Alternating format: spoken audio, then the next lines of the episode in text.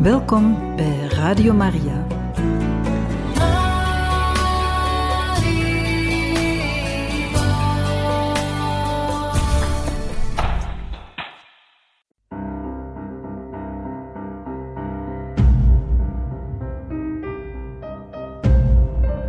Het woord spreekt. Een programma van Radio Maria.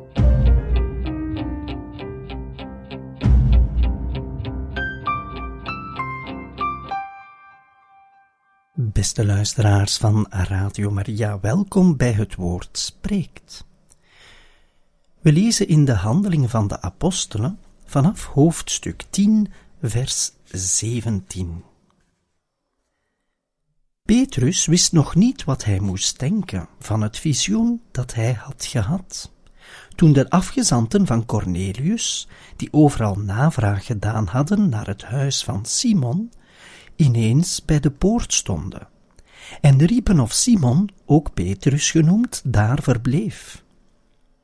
Terwijl Petrus nog nadacht over het visioen, zei de geest tegen hem, Daar zijn drie mannen die jou zoeken. Vooruit, ga naar beneden en reis zonder aarzelen met hen mee, want ik heb hen gestuurd. Petrus ging naar beneden en zei tegen de mannen, Ik ben het, naar wie u zoekt. Wat is de reden van uw komst? Zij zeiden, de centurio Cornelius, een rechtvaardig man, een godvrezende, die goed bekend staat bij heel het Joodse volk, heeft van een heilige engel de opdracht gekregen om u bij hem thuis uit te nodigen, om te horen wat u te zeggen hebt. Daarop nodigde hij hen binnen en bood hun onderdak. De volgende dag ging hij met hen op reis en enkele broeders uit Joppe gingen met hem mee. Daags daarna kwam hij in Caesarea aan. Cornelius verwachtte hen al en had zijn familieleden en zijn beste vrienden bijeengeroepen. Toen Petrus aankwam, liep Cornelius hem tegemoet en viel hem te voet om hem te aanbidden. Maar Petrus richtte hem op en zei: Sta op, ik ben ook maar een mens. Terwijl hij met hem sprak, ging hij naar binnen en vond daar veel mensen bijeen.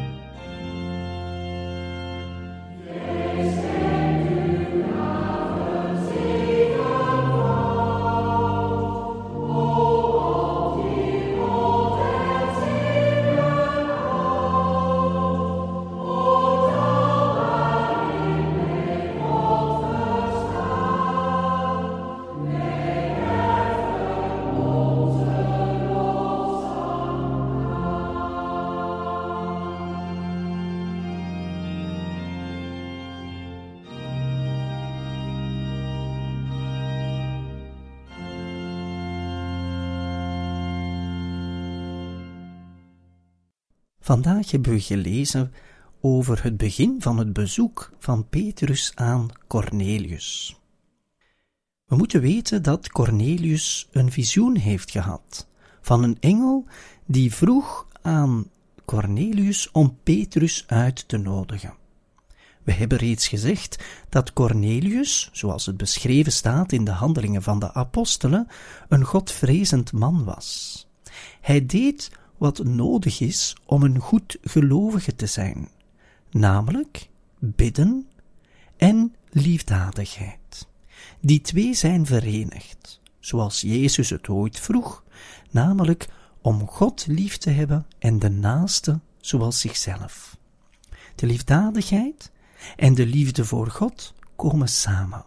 En die liefde voor God, wel, die wordt gekenmerkt door een vurig gebed. En dit alles maakt van Cornelius een godvrezend man. Iemand die God vreest, niet met angst, maar van hem alles verwacht. Een echte gelovige dus. En de engel had aan Cornelius gezegd dat God en zijn liefdadigheid en zijn gebeden had verhoord.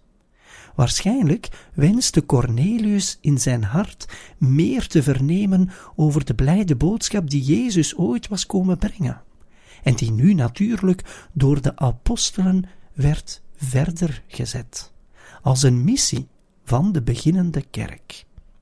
Cornelius gaat onmiddellijk gehoorzamen. We kunnen terugdenken aan de reacties van verschillende andere mensen in het verleden die gehoor hebben gegeven aan een oproep van God om hem onmiddellijk te volgen. We denken aan de apostelen.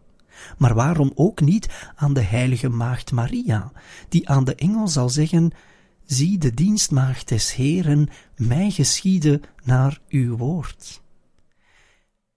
Iemand die van God een oproep krijgt, wordt gevraagd om te antwoorden en dus ook om te gehoorzamen. Cornelius zal dat doen, en hij stuurt enkele knechten naar Petrus toe. En dan hebben we nu Petrus. Petrus die ook net een visioen heeft gehad. We hebben reeds uitgelegd dat dit visioen hem werd gegeven terwijl hij ook met het gebed bezig was, terwijl hij zich naar God richtte en dus niet meer naar zichzelf. En God zal hem in een heel bijzonder visioen een uitleg geven over iets wat Jezus reeds vroeger had gedaan, namelijk alles terug zuiver noemen. In het begin, we hebben dat verteld, is er in het Oude Testament veel zaken gemeld als onzuiver, om te eten bijvoorbeeld. Men mocht geen varkensvlees eten enzovoort. Vele zaken waren onzuiver. We hebben reeds uitgelegd dat dit een pedagogie is. Het is namelijk zo dat Adam, de eerste mens, gezondigd had door te eten van een verboden boom. In de pedagogie van God zal er dus veel onzuiver zijn in het voedsel. Maar wanneer Jezus komt, dan geeft hij het ware voedsel, het ware brood des levens, en daardoor zal alle voedsel terug zuiver gemaakt worden, omdat het gewone voedsel van het lichaam niet meer het belangrijkste is. Maar het zal nu voortaan het voedsel voor de hemel zijn, het ware voedsel, Jezus Christus zelf, in zijn woord en in zijn brood.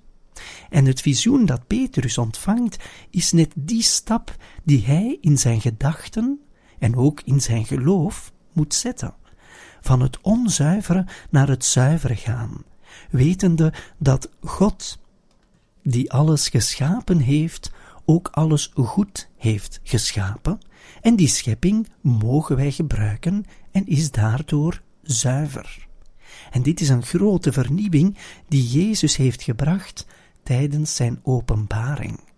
Wij kunnen dankzij de openbaring van Jezus God beter leren kennen.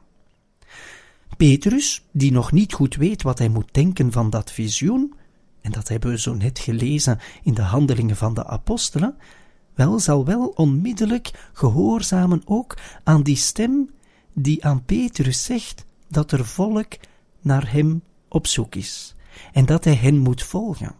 Ook Petrus, zoals Cornelius, zal onmiddellijk gehoor geven aan wat God van hem vraagt. En hij zal die knechten, die, op, die naar hem op zoek zijn, volgen. En zo gaat hij richting Caesarea naar de plaats waar die centurio verblijft, Cornelius. Beiden hebben dus iets gemeen. Ze geloven en ze gehoorzamen aan dezelfde God, terwijl de een, Cornelius, wel degelijk een heiden is, en Petrus een Jood. En Petrus zit nog met heel die traditie die de zijne is. Cornelius kent die traditie niet, en die twee zullen nu verenigd moeten worden. Petrus heeft namelijk een les gekregen, omdat Jezus gekomen is voor alle mensen, niet meer alleen voor het uitverkoren volk, die uitverkoren blijft, dat kunnen we later wel zien wanneer we Paulus zullen bespreken, maar tegelijkertijd Jezus is niet gekomen alleen voor het uitverkoren volk. Tijdens zijn openbaar leven richt hij zich wel voornamelijk tot dat uitverkoren volk, met af en toe eens een uitzondering, wanneer hij zelf naar een centurio toestapt of naar een Samaritaanse enzovoort. Maar hij weet dat hij als missie heeft gegeven aan de apostelen om iedereen te verenigen, alle mensen van alle uithoeken op de aarde. Jezus Christus en zijn openbaring is geldig voor ieder van ons, voor Jood en voor heiden, voor de gehele mensheid. Petrus zal dat geleidelijk aan begrijpen. En dat is natuurlijk ook noodzakelijk om de missie van de kerk verder te zetten, tot op de dag van vandaag. Niemand is uitgesloten van de bekering gevraagd door de blijde boodschap van Jezus Christus. Want Petrus blijft natuurlijk degene die ervoor moet zorgen dat er bekering komt. Hij is eigenlijk een profeet geworden. We hebben dat gezien. Hij ontvangt een visioen en dit te midden van een extase. Hij is een profeet om het woord van God verder te brengen, opdat mensen zouden geloven en zich dus bekeren. Maar daarvoor moet hij tot het besef komen dat hij ook maar een mens is, en dus een instrument uitgekozen door God om de blijde boodschap van Jezus Christus verder te zetten. En in de passage die we vandaag mochten lezen, is dat ook letterlijk gezegd. Helemaal op het einde zal Petrus aan Cornelius zeggen: Sta op, ik ben ook maar een mens. Petrus zet zich op hetzelfde niveau als Cornelius. Dit is zeer belangrijk, want het heil komt van de Joden. Petrus als Jood zal zich dus volgens de Joodse traditie laten neerdalen. Hij zal zich verkleinen, volgens die Joodse leer waarvan men weet dat men de eerste openbaring van God heeft ontvangen. Petrus maakt zich klein om de heidenen mee op te trekken naar God. Een hele belangrijke geste. En Petrus zal die aanvaarden. Waarom? Omdat Petrus ten volle gelooft, maar soms heeft hij daarvoor een visioen nodig. Een kleine kwinkslag, zeg maar, van God, die hem een les geeft over wat hij moet doen in zijn missie van de eerste kerk. En zo is Petrus aangekomen bij Cornelius. Cornelius de heiden, maar gelovig, Petrus de Jood, maar gelovig. En beiden zijn verenigd in datzelfde geloof. En dat zullen we merken bij het vervolg van onze lezing in de handelingen van de apostelen. Zo mochten we vandaag lezen hoofdstuk 10, versen 17 tot en met 27.